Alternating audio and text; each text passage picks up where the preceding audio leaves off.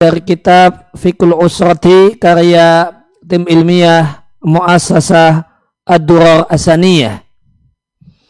Masih di pembahasan seputar eh, kegiatan sebelum pernikahan. Maka poin yang pertama yang akan kita bahas adalah tentang seorang wanita yang menawarkan dirinya kepada lelaki saleh untuk dinikahi. Boleh bagi seorang wanita menawarkan dirinya kepada lelaki saleh untuk dinikahi. Eh, hal ini sebagaimana ditegaskan oleh Syafi'iyah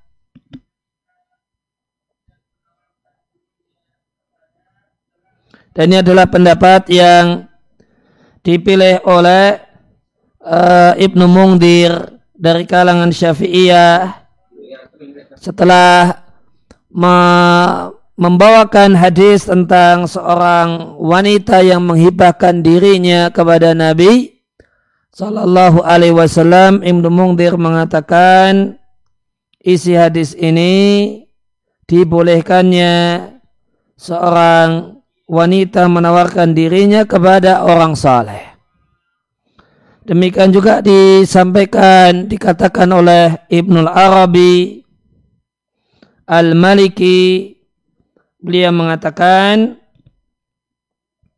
Minal hasani di antara perbuatan yang baik seorang wali menawarkan anak perempuannya dan seorang wanita menawarkan dirinya kepada lelaki saleh.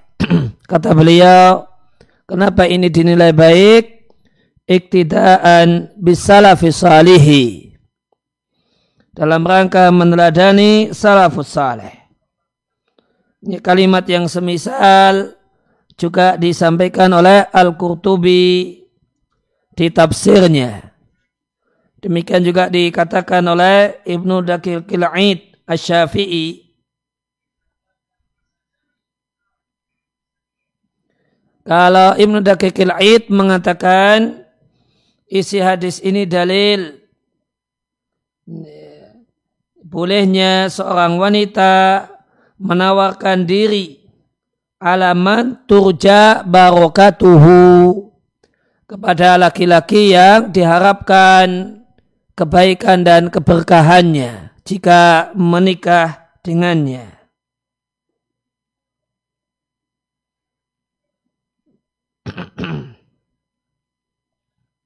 Nah hukum masalah ini kalau tadi kutipan-kutipan yang di, tadi dibacakan semuanya hanya menunjukkan boleh. Nah apakah ada ulama yang mengatakan dianjurkan Ternyata ada. Ternyata ada. Dulu saya mengira bahwasanya uh, paling bantar hukum masalah ini adalah boleh saja. Namun ternyata Al-Aini di kitabnya Umdatul Qari Sarah Sahih Bukhari mengatakan mengomentari tentang hadis wanita yang menghibahkan dirinya kepada Nabi Sallallahu Alaihi Wasallam, beliau katakan, fihi istihbabu ardil mar'ati nafsaha ala rajuli salihi liyatazawwajaha. Dalam hadis ini terdapat dalil istihbab ya, dianjurkannya wanita menawarkan dirinya kepada lelaki saleh untuk dinikahi. Namun ya sementara ini hanya didapatkan perkataan uh, al-aini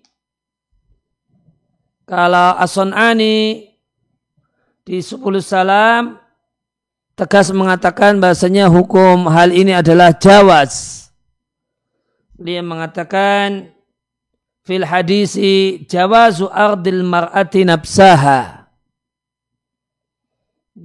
Dalam hadis ini dalil bolehnya seorang wanita menawarkan dirinya ala rajulin min ahli, min ahli salahi untuk dinikahi oleh seorang yang saleh.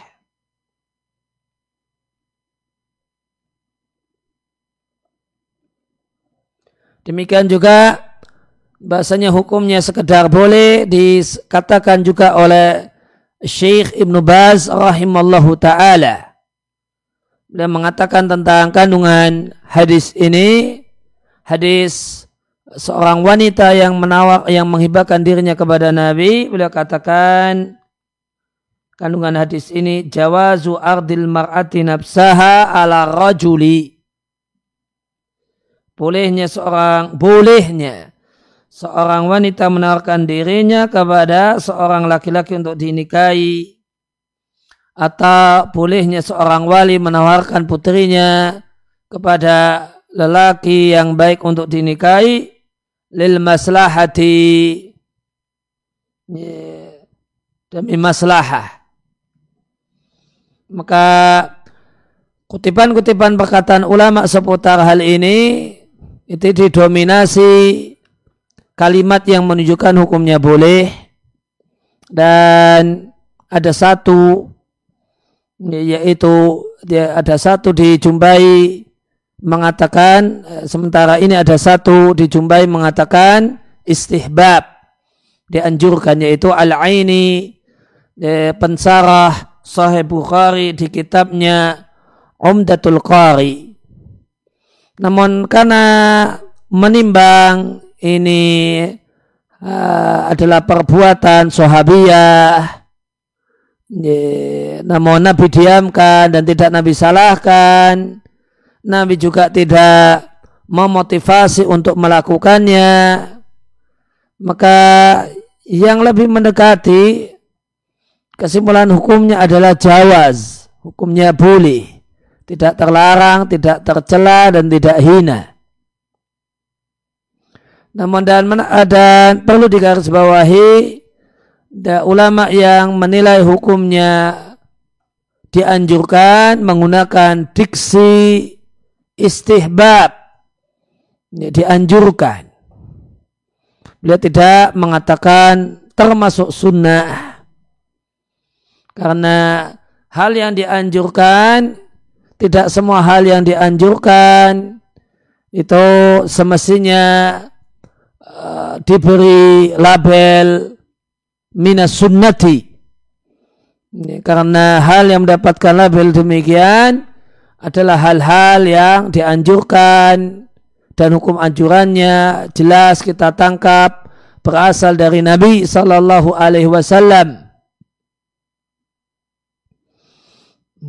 Adapun uh, jika uh, posisi Nabi hanya tidak menegur, tidak menyalahkan, maka yang tepat ya, sebagaimana kata al-aini al-istihbab hukumnya dianjurkan. Oleh karena itu di pernah didapatkan ada satu meme di medsos yang ya, memberi judul untuk hadis ini. Hadis tentang wanita yang menawarkan dirinya kepada Nabi dengan judul termasuk sunnah. Bla bla bla bla. Nah, ini uh, kesimpulan yang tidak benar. Karena beda antara makna minas sunnah dengan istihbab yang paling uh, maksimal dari hukum hal ini. Ya, dalil bolehnya seorang wanita menawarkan dirinya kepada lelaki saleh. Atau kalau dalam bahasa Ibnu Daqiqil Id, lelaki yang diharapkan kebaikannya dan kebaikannya dan keberkahannya dengan hidup bersamanya dan menikah dengannya. Maka di antara dalilnya adalah dari Sahal ibn Sa'ad radhiallahu anhu beliau bercerita dulu di masa Nabi ada seorang wanita menemui Rasulullah sallallahu alaihi wasallam dan mengatakan wahai Rasul Allah aku hibahkan diriku kepadamu.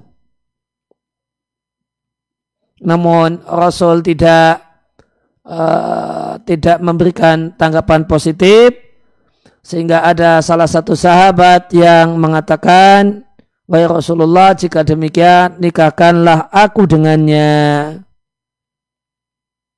Hadisnya diriatkan oleh Al-Bukhari dan Muslim dan hadis ini merupakan salah satu hadis di Umdatul Ahkam. Maka wanita ini uh, menghibahkan dirinya kepada Nabi. Maka perkataannya ini dalil bolehnya seorang wanita menawarkan dirinya kepada lelaki yang saleh. Yaitu lelaki yang nampaknya saleh.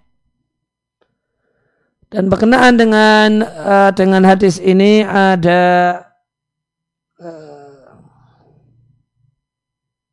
ada riwayat yang lain yang yang layak untuk kita baca untuk kita ambil hikmahnya yaitu dalam riwayat Bukhari riwayat Bukhari yang lain ya, ada seorang tabiin mengatakan Ya, saya berada di dekat Anas dan bersamanya anak gadisnya. Kemudian Anas bercerita, Ja'at imra'atun ila Rasulillah sallallahu alaihi wasallam. Ada seorang wanita yang menemui Rasulullah sallallahu alaihi wasallam ta'ridu alaihi nafsaha. Dia tawarkan dirinya kepada Rasulullah Ya, kalat wanita tersebut mengatakan, Ya Rasulullah, alaki bihajatun. Ya Rasulullah, apakah engkau berhajat denganku? Maka menanggapi hal ini, ya, anak perempuan Anas bin Malik berkomentar, Ma'akallah haya'aha, betapa sedikitnya rasa malunya ini betapa sedikitnya rasa malu wanita itu. Wasau'atah. Wasau'atah. Jeleknya, jeleknya wanita itu. Merespon hal ini. Anas bin Malik menegur anak perempuannya dengan mengatakan, Hiya khairun minki. Wanita itu lebih baik daripada dirimu. Rahibat fin Nabi sallallahu alaihi wasallam. Dia berminatnya minatnya adalah menjadi istri Rasulullah sallallahu alaihi wasallam. Fa'aradat alaihi nafsaha. Oleh karena itu dia lantas menawarkan dirinya kepada Rasulullah sallallahu alaihi wasallam.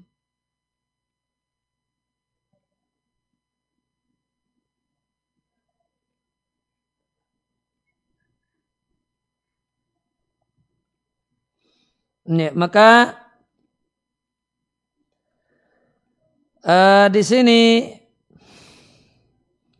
uh, putrinya Anas bin Malik merespon kejadian ini ya, dari sisi lahiriah.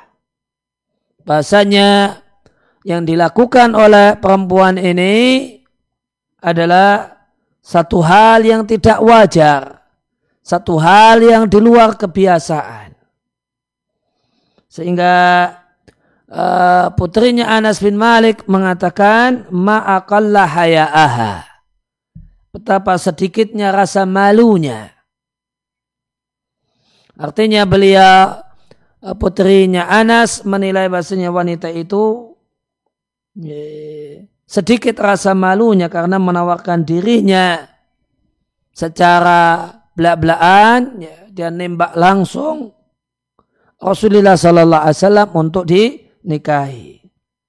Padahal hukum asalnya wanita itu itu yang ya, di, diajak menikah dan bukan mengajak menikah. Kemudian anak perempuan Anas bin Malik ini memberikan kalimat tambahan menunjukkan keheranannya dengan sikap perempuan itu dengan mengatakan wasau'atah wasau'atah yang maknanya ini adalah kalimat yang diucapkan untuk merespon satu perbuatan yang jelek. Nah, kekeliruan dari anak perempuan Anas bin Malik ini dia tidak memperhatikan adanya sesuatu yang lebih penting. Sesuatu yang uh, lebih mulia. Yaitu beruntung menjadi salah satu istri seorang nabi.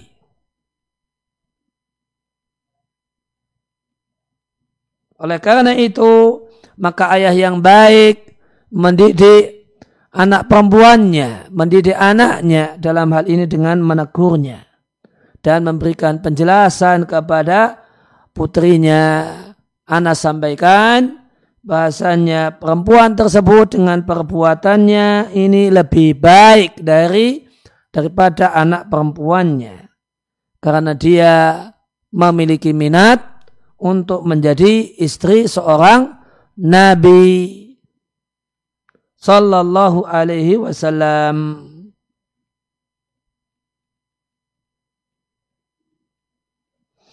Maka hadis ini sebagaimana di buku Fikul Usrah dalil disyariatkannya yaitu dibenarkannya tindakan seorang perempuan menawarkan dirinya kepada lelaki saleh untuk dinikahi dan dibenarkannya seorang perempuan memberitahukan kepada seorang lelaki yang saleh kalau dia memiliki minat untuk menjadi istrinya.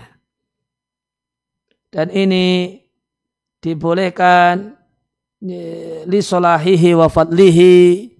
Dia melakukan penawaran tersebut karena kesalehannya atau keistimewaannya.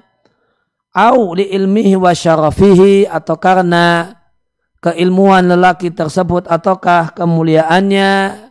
Kemuliaannya secara ya, kemuliaannya di masyarakat. Au li khaslatin min khisalidini atau karena uh, karena kelebihannya secara agama. Dia memiliki kelebihan dari aspek agama dan berdasarkan teguran Anas bin Malik kepada putrinya yang menilai bahasanya perbuatannya adalah perbuatan yang jelek, maka bisa kita katakan wa annau la'ara 'alaiha fi dan bahasanya bukalah satu hal yang memalukan tindakan wanita semacam itu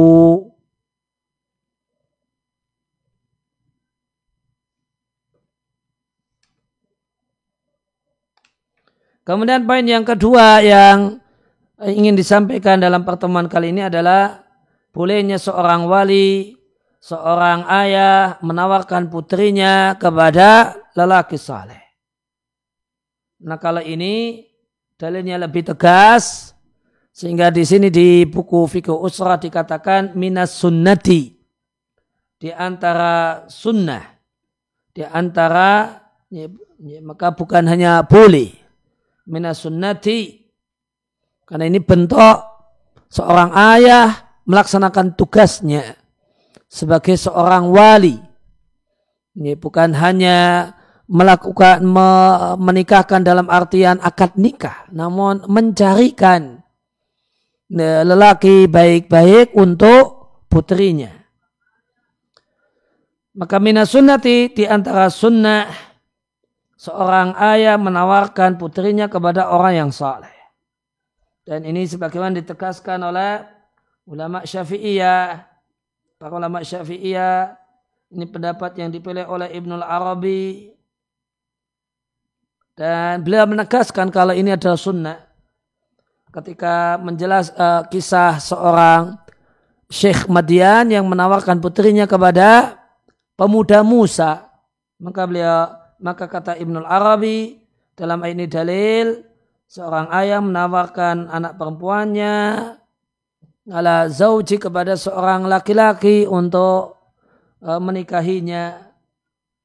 Kata Ibnul Arabi wahadi sunnatun qaimatun. dan ini, ini sunnah yang yang valid.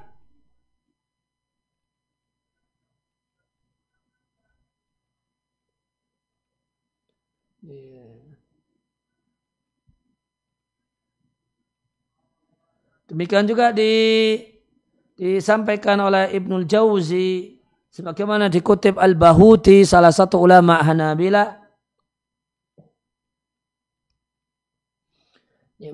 Al-Bahuti mengatakan usaha seorang ayah berkenaan dengan anak perempuannya yang menjanda sang ayah berupaya supaya bisa menikah dan memilihkan lelaki yang sekufu bukanlah satu hal yang makruh. Ini kata Al-Bahuti. Bal huwa mustahabun. Bahkan itu satu hal yang dianjurkan. Karena dalilnya adalah perbuatan Umar radhiallahu anhu.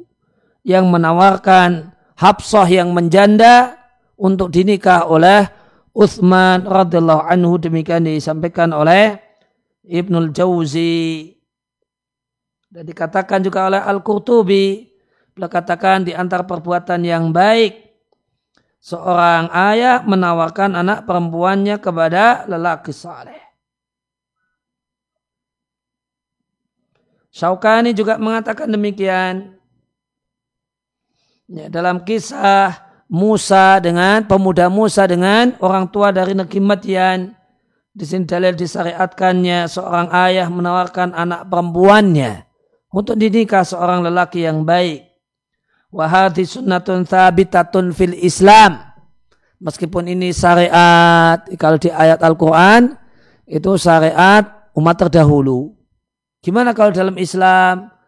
Kata Syaukani, wahadi sunnatun thabitatun fil Islam, ini adalah sunnah yang valid dalam Islam. Dalilnya sebagaimana Umar menawarkan anak perempuannya Habsah kepada Abu Bakar dan Utsman. Dan kisah ini satu yang telah dikenal.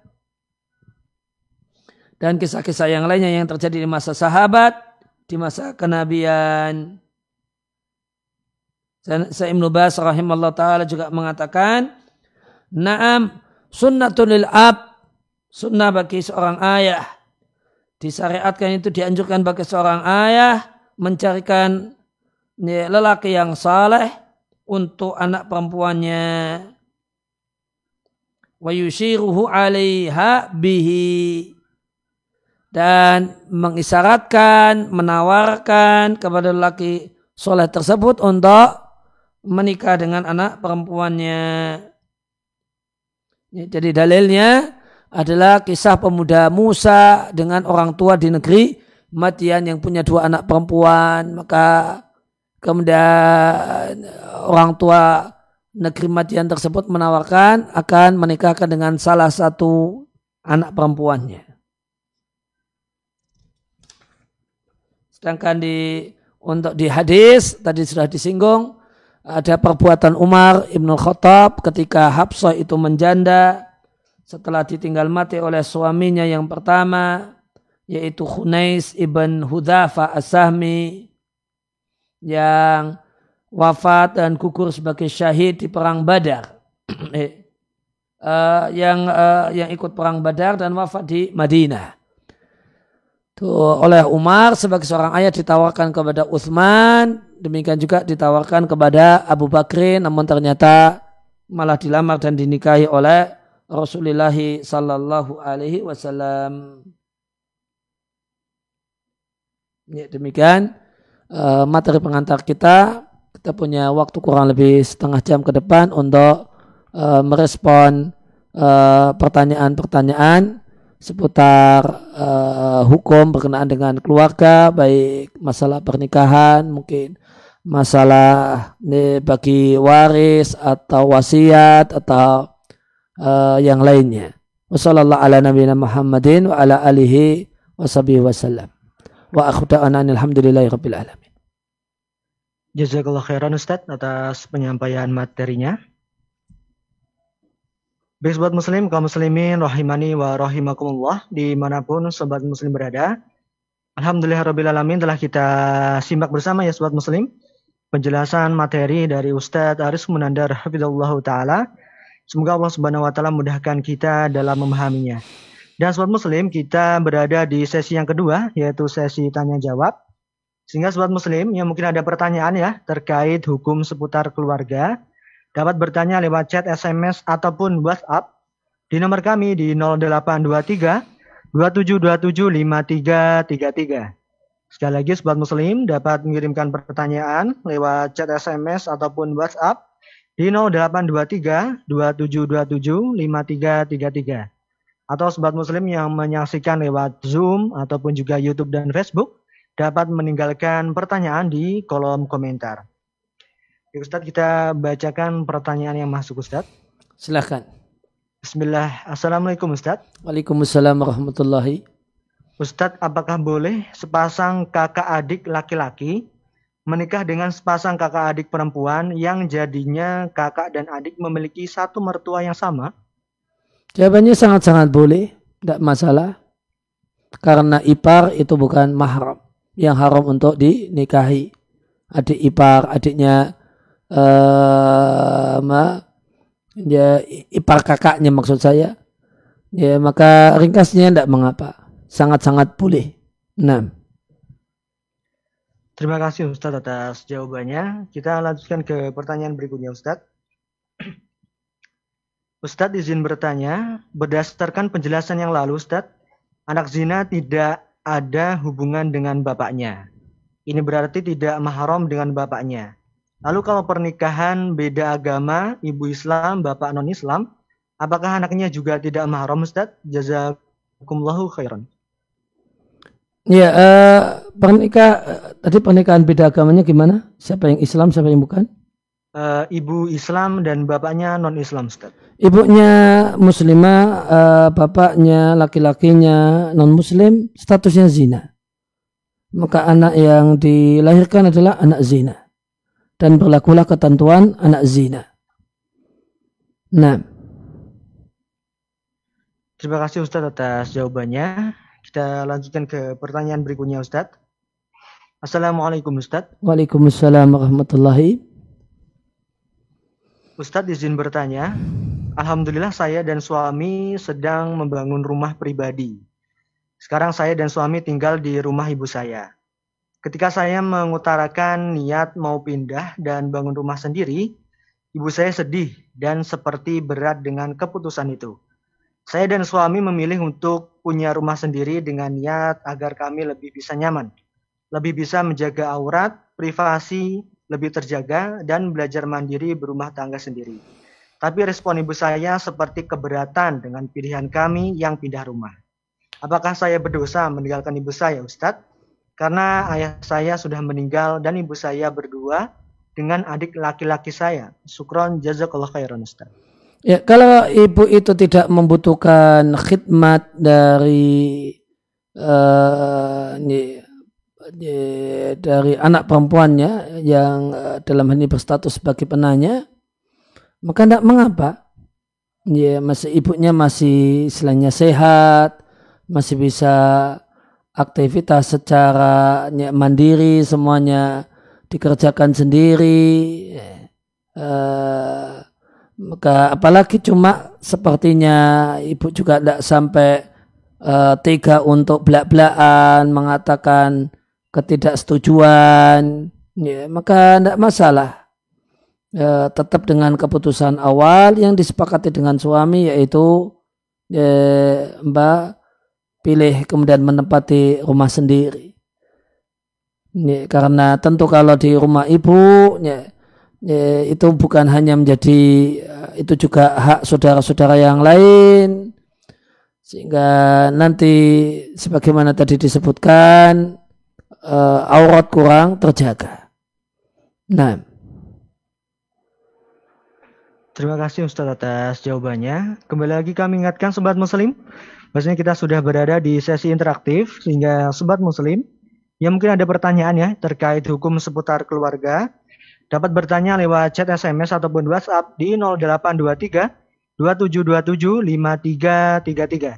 Atau bagi sobat muslim yang mengikuti lewat link Zoom, YouTube dan juga Facebook, dapat meninggalkan pertanyaan di kolom komentar. Ya Ustadz, kita bacakan pertanyaan via Zoom Ustadz. Ustadz, jika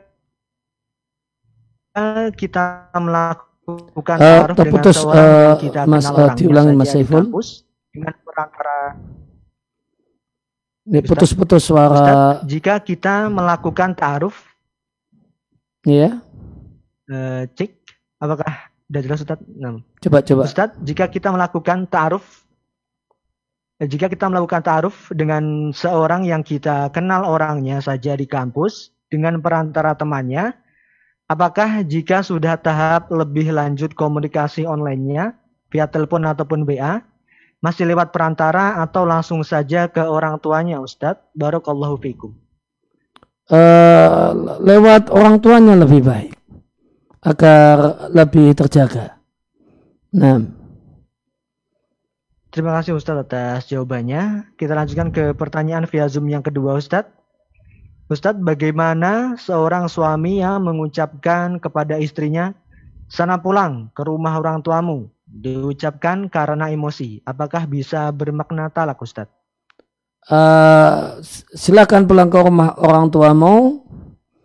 Ini Eh, kalimat yang multi tafsir bisa talak bisa tidak oleh karena itu maknanya adalah talak pertama jika diniatkan sebagai talak oleh suami saat mengucapkannya. Kemudian yang kedua ketika konteks pembicaraan menunjukkan kalau itu maknanya talak. Karena pertengkaran pertengkarannya sengit. Kemudian uh, suami mengatakan, sudah sana pulang ke rumah orang tuamu saja.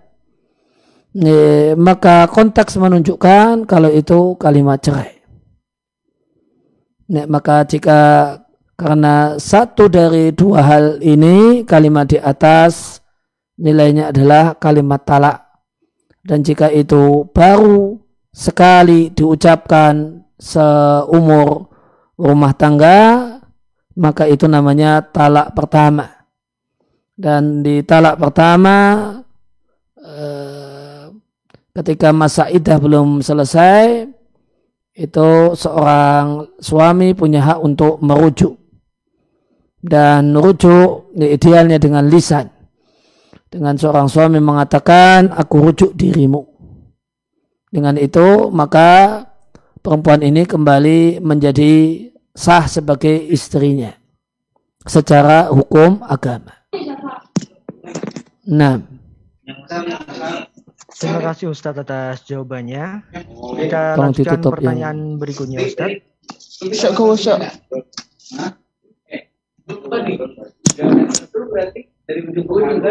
Tolong satu ini Ustadz, cepat Ustadz. Uh, pertanyaannya Ustadz. Assalamualaikum Ustadz. Waalaikumsalam warahmatullahi Ustadz, tips mengajar anak usia SD. Bagaimanakah tips mengajar anak usia SD? Bolehkah memukul Ustadz? Uh, kalau tipsnya lebih detailnya tentu uh, ada ilmu tersendiri dalam masalah ini. Ya, bahkan kita jumpai itu ada sekolahnya secara khusus. Ya, ada sekolah di sarjana eh, S1 untuk yang me, yang intinya adalah tips eh, yang inti ilmunya adalah tips mengajar SD mengajar TK mengajar PAUD gitu ya. Ya tentu eh, kalau tips detailnya eh, selayaknya yang menggeluti bidang hal ini yang menjadi tempat bertanya. Namun jika hukum tentang masalah apakah boleh mukul? Ini boleh mukul maka jawabannya uh, secara syariat boleh mukul baru setelah berumur genap 10 tahun masuk tahun ke-11 ya, jadi mungkin kurang lebih kelas 5 gitu ya. Yaitu boleh mukul itu pun yang pertama pukulannya adalah pukulan mendidik bukan menyiksa. Tidak sampai kemudian patah tulang tidak sampai biru-biru tidak sampai harus dilarikan ke IC, eh, ke, ke, ke IGD gitu. Kemudian tujuannya adalah untuk takdib pendidikan dan bukan takdib penyiksaan. Kemudian tidak boleh di tempat-tempat yang anggota tubuh yang riskan dan berbahaya.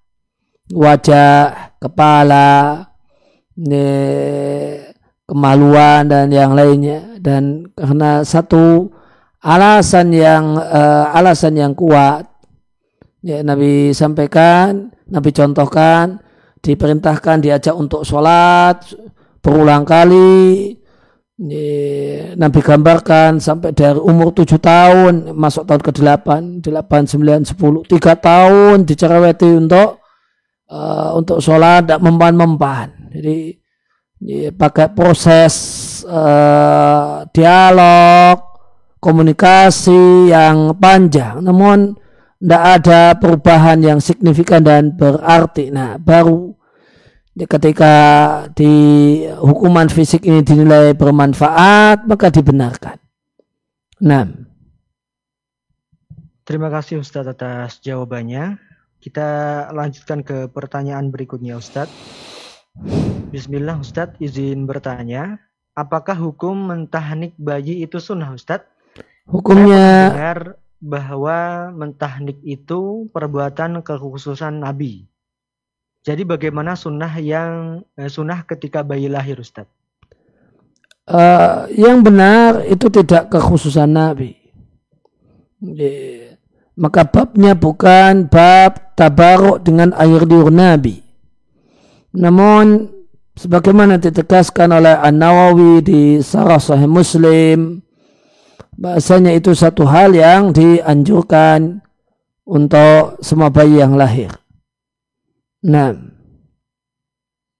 Terima kasih Ustadz atas jawabannya. Kita lanjutkan pertanyaan berikutnya Ustadz dari via YouTube. Assalamualaikum Ustadz. Waalaikumsalam warahmatullahi. Assalamualaikum. Wa ilaikum. Seorang muslimah menawarkan dirinya kepada laki-laki yang insya Allah soleh Ustadz. Qadarullah laki-laki tersebut ternyata telah uh, ada proses pernikahan dengan muslimah lain. Kemudian laki-laki tersebut merespon muslimah tersebut bahwa jika terjadi sesuatu atau mereka tidak jadi berjodoh, maka laki-laki akan menghubungi muslimah itu lagi. Lantas bagaimana sebaiknya sikap muslimah tersebut Ustadz? Ya itu sudah ditolak secara baik-baik. Maka muslimah yang menawarkan dirinya ini eh, perlu move on ya. Tidak harus memikirkan lelaki tersebut ya, cari yang lain. Ya dan sadari bahasanya eh, takdir Allah Subhanahu wa taala itulah yang terbaik. Pilihan Allah itulah yang lebih baik Nah. Terima kasih Ustaz atas jawabannya. Kembali lagi kami ingatkan Sobat Muslim bahwasanya kita sudah berada di sesi interaktif ya Sobat Muslim. Jika Sobat Muslim dapat bertanya seputar konsultasi seputar hukum keluarga di 0823 2727 5333 ataupun Sobat Muslim yang tergabung di via Zoom dan juga mendengarkan dan juga melihat ataupun juga menyimak lewat Facebook dan juga YouTube dapat meninggalkan pertanyaan di kolom komentar. Kita bacakan pertanyaan selanjutnya Ustadz. Silahkan. Ustadz izin bertanya, bagaimana cara menasihati kakak yang belum menikah dan sudah berusia kepala empat, tapi masih seperti ABG Ustadz. Kodarullah belum mengenal eh, sunnah dan tinggal berlainan kota. Jazakallah khairan Ustadz. Ya kalau uh, tidak dijelaskan apakah kakak di sini laki-laki ataukah perempuan. Ya, namun secara umum kalau sudah berumur demikian itu pembicaraan pernikahan dengannya itu sangat sensitif. Ya, dia ya sangat tidak suka di ditanya-tanya tentang masalah hal itu. Bahkan secara umum kapan nikah itu juga pertanyaan yang sensitif. Ya, patut hati-hati untuk uh, untuk kemudian menanyakannya dan yang lebih tepat adalah uh, kalimat yang bersifat solutif. Ya, misalnya dengan menawarkan, ya, saya ada kenalan, saya ada kawan, ya, mau nggak saya kenalkan gitu. Jadi ndak, ndak, tidak dalam bentuk menanyakan, tidak pula dalam bentuk memotivasi, karena memotivasi dianggap nyindir, dan itu nyebeli menurut menurut uh, beliau atau orang yang semisal beliau atau orang yang punya kasus sebagaimana semisal beliau. Maka yang bisa sikap ya pilihan sikap yang tepat adalah memberikan bantuan real. Ya, coba itu tawarkan, oh gini-gini kelebihan teman saya dia ini ini ini ini ini gitu. Sepertinya dia mau kok kalau sama mas atau banyak sama kakak gitu. Kira-kira mas mau nggak saya kenalkan? Ya, coba satu, dua atau tiga kali.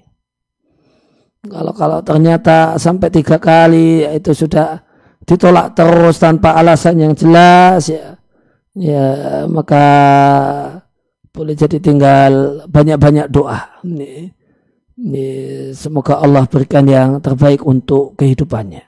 Nah. Terima kasih Ustadz atas jawabannya. Kita lanjutkan ke pertanyaan berikutnya Ustadz. Assalamualaikum warahmatullahi wabarakatuh Ustadz. Waalaikumsalam warahmatullahi wabarakatuh. Semoga Allah menjaga Ustadz, keluarga, serta seluruh kaum muslimin. Amin. Ustadz, saya perempuan berusia 26 tahun, insya Allah sudah siap menikah. Qadarullah sudah berulang kali ta'aruf, tapi gagal terus Ustadz. Nah, saya tidak tahu harus ikhtiar ke mana lagi, karena saya sudah mengikuti biro jodoh, sudah meminta bantuan kepada teman yang sudah menikah untuk dibantu mencarikan, dan sudah menawarkan diri namun masih gagal, gagal, dan gagal terus. Mungkin karena banyaknya dosa saya sehingga menjadi sebab terhalangnya untuk menikah. Di sisi lain saya berpikir bahwa laki-laki mencari perempuan yang fisiknya cantik, putih. Jarang-jarang laki-laki yang bisa menerima saya apa adanya Ustaz. Mohon nasihatnya Ustaz agar saya bisa segera menikah. Jazakumullah khairan. Ya, uh, yang pertama semoga Allah Subhanahu wa taala memberikan kemudahan untuk urusan penanya dan urusan kita semua. Dan semoga Allah Subhanahu wa taala memberikan pilihan yang terbaik untuk penanya dan memberikan anugerah dan kado yang indah ya, untuk penanya eh, berkenaan dengan eh, problem dan permasalahannya. Uh, yang ingin saya sampaikan seorang muslim yakin dengan takdir Allah Subhanahu wa taala dan yakin dan beriman bahasanya Allah itu adalah Al-Hakim zat yang maha bijaksana zat yang penuh dengan hikmah dan hikmah itu sebagaimana ada dalam syariatnya juga ada dalam takdirnya baik takdir untuk kita, untuk orang lain, ataupun untuk kita.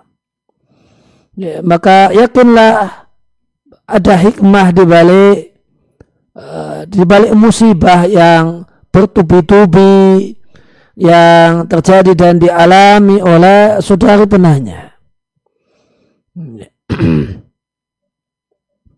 ya, carilah hikmah dan hikmah utamanya ya, adalah ya, uh, posisi single, posisi sendiri itu posisi longgar. Dan Nabi Shallallahu Alaihi Wasallam menyampaikan, Irtanim khamsan kebela khamsin, manfaatkanlah lima. Di antaranya adalah fararika, nih, fararika kebela suhlika. Kondisi longgarmu di kondisi singlemu sebelum kondisi sibukmu semacam sibuk sebagai istri dan sibuk sebagai seorang ibu. Maka manfaatkanlah nikmat Allah Subhanahu wa taala berupa waktu yang longgar untuk banyak-banyak berkarya banyak-banyak untuk meninggalkan jejak-jejak kebaikan dan uh, menumpuk sebanyak-banyaknya pundi-pundi pahala sumber-sumber pahala-pahala jariah yang akan bermanfaat untuk nah, akhirat kita. Kemudian sadarilah bahwasanya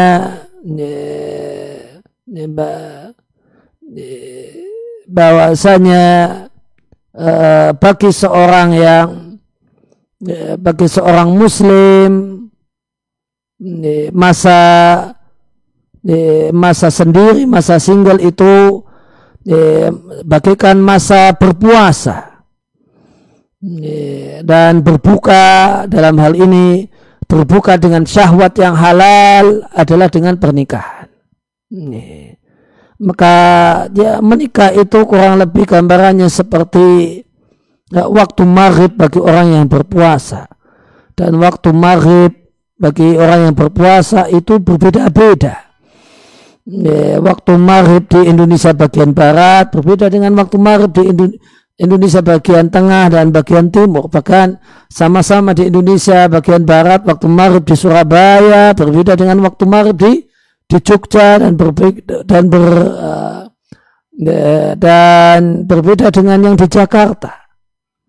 Maka yang terpenting itu adalah bagaimanakah menjalani masa puasa dengan baik penuh dengan kebaikan, penuh dengan manfaat, penuh hal-hal yang positif.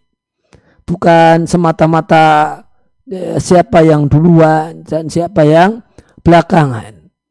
Demikian juga eh, eh, satu hal yang eh, patut untuk kemudian disadari bahwasanya segera menikah itu belum tentu baik dan segera menikah itu bukanlah segalanya. segera menikah sebelum menikah bisa banyak tersenyum dan tertawa dan tidak sedikit orang setelah menikah tidak bisa senyum dan tidak bisa tertawa. maka eh, cepat kemudian menikah itu belum tentu satu kebaikan manakala Allah lambankan, Allah lambankan dan tidak Allah segerakan, namun ketika itu Allah berikan pasangan yang tepat, yang terbaik, yang menyebabkan kita bisa lebih tertawa dan lebih bahagia setelah menikah, maka itu jauh lebih baik daripada segera menikah. Namun sebelum menikah bisa tertawa, bisa tersenyum, namun ternyata setelah menikah hanya tidak ada lagi pernah ada tawa dan ceria, namun yang ada derai air mata. Nah. Terima kasih Ustadz atas penjelasannya dan nasihatnya. Kita lanjutkan pertanyaan berikutnya Ustadz via Zoom. Ustadz, lebih baik kapan ya membicarakan mengenai nanti tinggal di mana dengan calon istri? Apakah pada saat datang nazar sendiri atau pada saat perkenalan keluarga Ustadz? Ya, kalau uh, setelah pada saat nazar itu sudah bisa dipastikan cocok dan sepakat, tidak ada masalah untuk lanjut, si pihak uh, pihak laki-laki demikian, pihak perempuan demikian. Sudah ada gambaran kalau akan lanjut ke tahap dan proses berikutnya maka tidak mengapa membicarakan hal yang spesifik tentang masalah ini. Namun uh, namun yang pokok ya adalah uh, kalau tidak ada permintaan khusus dari pihak perempuan, maka kaedahnya adalah istri yang salihah itu akan mengikuti dan membersamai suami. Nah. Terima kasih Ustadz atas jawabannya. Kita lanjutkan pertanyaan berikutnya Ustadz. Bismillah, Assalamualaikum Ustadz. Waalaikumsalam warahmatullahi. Ustadz, apakah seorang wanita yang berulang kali gagal ta'aruf lebih dianjurkan menawarkan diri kepada laki-laki soleh untuk dinikahi? Jazakumullah khairan. Uh, mengatakan lebih dianjurkan dan tidak, ya tidak bisa kita generalisir demikian.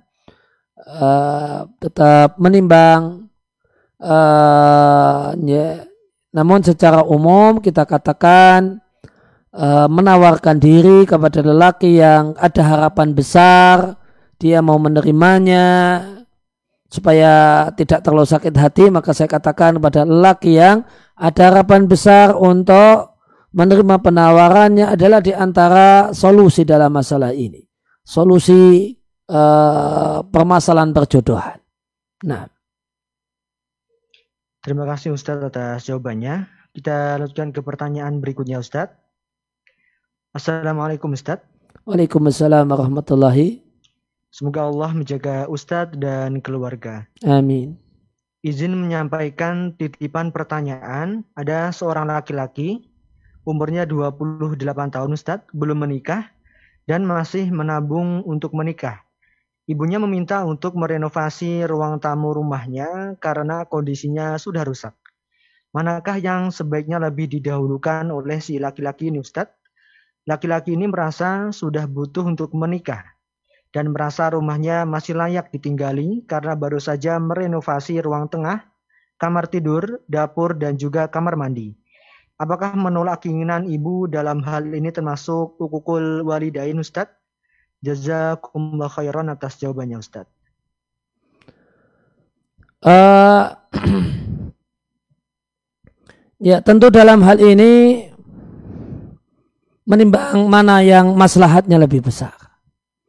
Dan dari semata teks uh, menimbang teks pertanyaan disampaikan ya, beliau penanya menyampaikan bahwasannya ya, kebutuhan untuk segera menisah, menikah mendesak dengan usia ya, ya, usia yang semakin merambat dan merangkak jauh.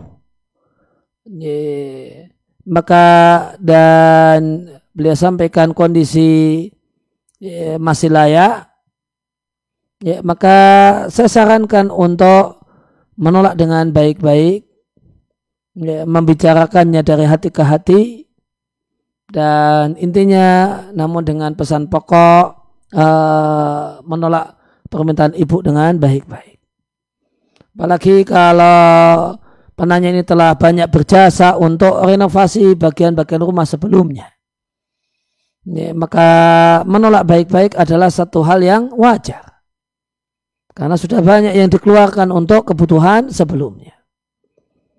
Dan ini juga perlu menimbang apakah Bapak masih ada ya, Bapak bisa masih ber masih uh, Bapak punya pendapatan dan tidak yang yang ini tidak disampaikan oleh penanya, maka hal-hal ini juga perlu dipertimbangkan. Kemudian dia berapa bersaudara, ya, kemudian bagaimanakah kondisi saudara-saudaranya, ya, maka kalau kemudian saudara-saudaranya tidak dimintai bantuan, dia yang keluar banyak ya, maka lebih uh, lebih boleh untuk uh, menolak dengan menolak dengan baik-baik dan meminta ibu untuk gantian ya. Untuk renovasi ini ya kakak sajalah. Ya atau ya kakak coba ibu minta tolong kakak untuk bantu gitu. Nah terima kasih Ustadz atas jawabannya Eh, kita bacakan mungkin satu pertanyaan lagi Ustadz. Ya, silakan. Pada malam hari ini dan mohon nanti Ustadz juga menutup kajian pada malam hari ini. Nah. Kita bacakan pertanyaan dari link Zoom. Ustadz, eh, kita kan dianjurkan untuk menikahi wanita solihah. Dan ada wanita yang dalam segi ilmu dia belajar di mahat mengisyaratkan mau dengan saya kata temannya. Sedangkan saya hanya di majelis taklim biasa bisa dikatakan kalau segi belajar saya kalah. Bagaimana hal tersebut Ustadz? Bukankah dalam hal sekufu, seorang laki-laki ilmunya harus lebih di atas wanita? Semoga diri ini dimudahkan untuk melangkah ke jenjang kehidupan berikutnya Ustadz. Jaza barukallahu fikum. Iya, uh, perlu diketahui bahasanya sekufu dalam fikih itu uh, adalah hak perempuan dan walinya. Ya, jadi ya, bukan ranahnya laki-laki.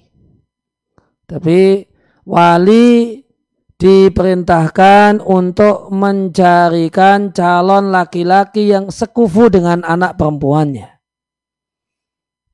Dan eh, seorang perempuan bisa menolak lelaki yang ditawarkan oleh ayahnya dengan alasan tidak sekufu.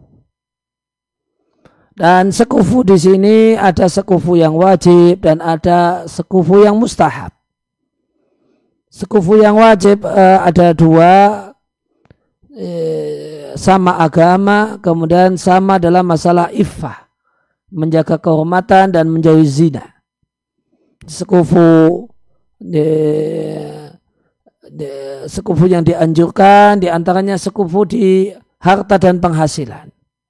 Maka seorang perempuan bisa menolak saya tidak mau dikenalkan saya tidak mau lanjut dengan si A karena gajinya kecil saya gajinya besar. Ya, dia tidak sekufu dengan saya dalam penghasilan. Ya. Ya, maka adapun ya, adapun kemudian dari sudut pandang uh, laki-laki maka tidak ada pembicaraan sekufu. Laki-lakinya kaya raya, kemudian dia senang jatuh cinta dengan ya, wanita yang miskin, tidak masalah. Itu tidak masalah. Kemudian uh, lelaki yang penghasilannya pas-pasan senang dengan perempuan yang penghasilannya besar. Ya. Kemudian si perempuannya tidak mempermasalahkan kalau tidak sekufu dalam harta ya sudah tidak apa-apa. Ya tidak mengapa? Di sini di kasusnya uh, perempuan ini menawarkan diri se uh, secara tidak langsung lewat kawannya dan dia lebih baik dari, daripada sisi ilmu agamanya. Nah, maka sekufu itu sudut pandang perempuan. Perempuan tidak masalah dengan yang uh, secara ilmu agama itu lebih rendah. Dia tidak masalah. Dia tidak masalah. Maka tidak mengapa bagi si laki-laki untuk menerima tawaran tersebut. Dan jadikan hal ini sebagai motivasi untuk serius belajar. Ya, karena dengan kemajuan teknologi, ya, orang yang tidak belajar di pesantren di zaman ini dari sisi ilmu bisa jauh lebih atau bisa lebih unggul daripada yang belajar di pesantren. Iya, syaratnya ikhlas, syaratnya rajin dan penuh kesungguhan dan syaratnya adalah ya, dan dengan cara belajar yang benar. Nah, demikian yang bisa kita kaji kesempatan ya, malam hari ini. Ya, terima kasih kami ucapkan kepada ya, semua yang hadir di majelis ini. Semoga kehadiran kita di majelis virtual ini Allah catat sebagai amal soleh, amal ibadah yang memperberat timbangan kebajikan kita di sisi Allah Subhanahu wa taala di hari tidaklah bermanfaat harta dan anak kecuali orang yang menghadap Allah dengan hati yang bersih dan amal yang soleh. Kemudian kami ucapkan terima kasih sedalam-dalamnya kepada kru Radio Muslim Yogyakarta, Haku TV dan semua media yang merilai acara ini. Jazakumullahu khairan. Semoga Allah balas yang lebih baik di dunia dan di akhirat. Terima kasih atas perhatiannya. Mohon maaf atas segala kekurangan.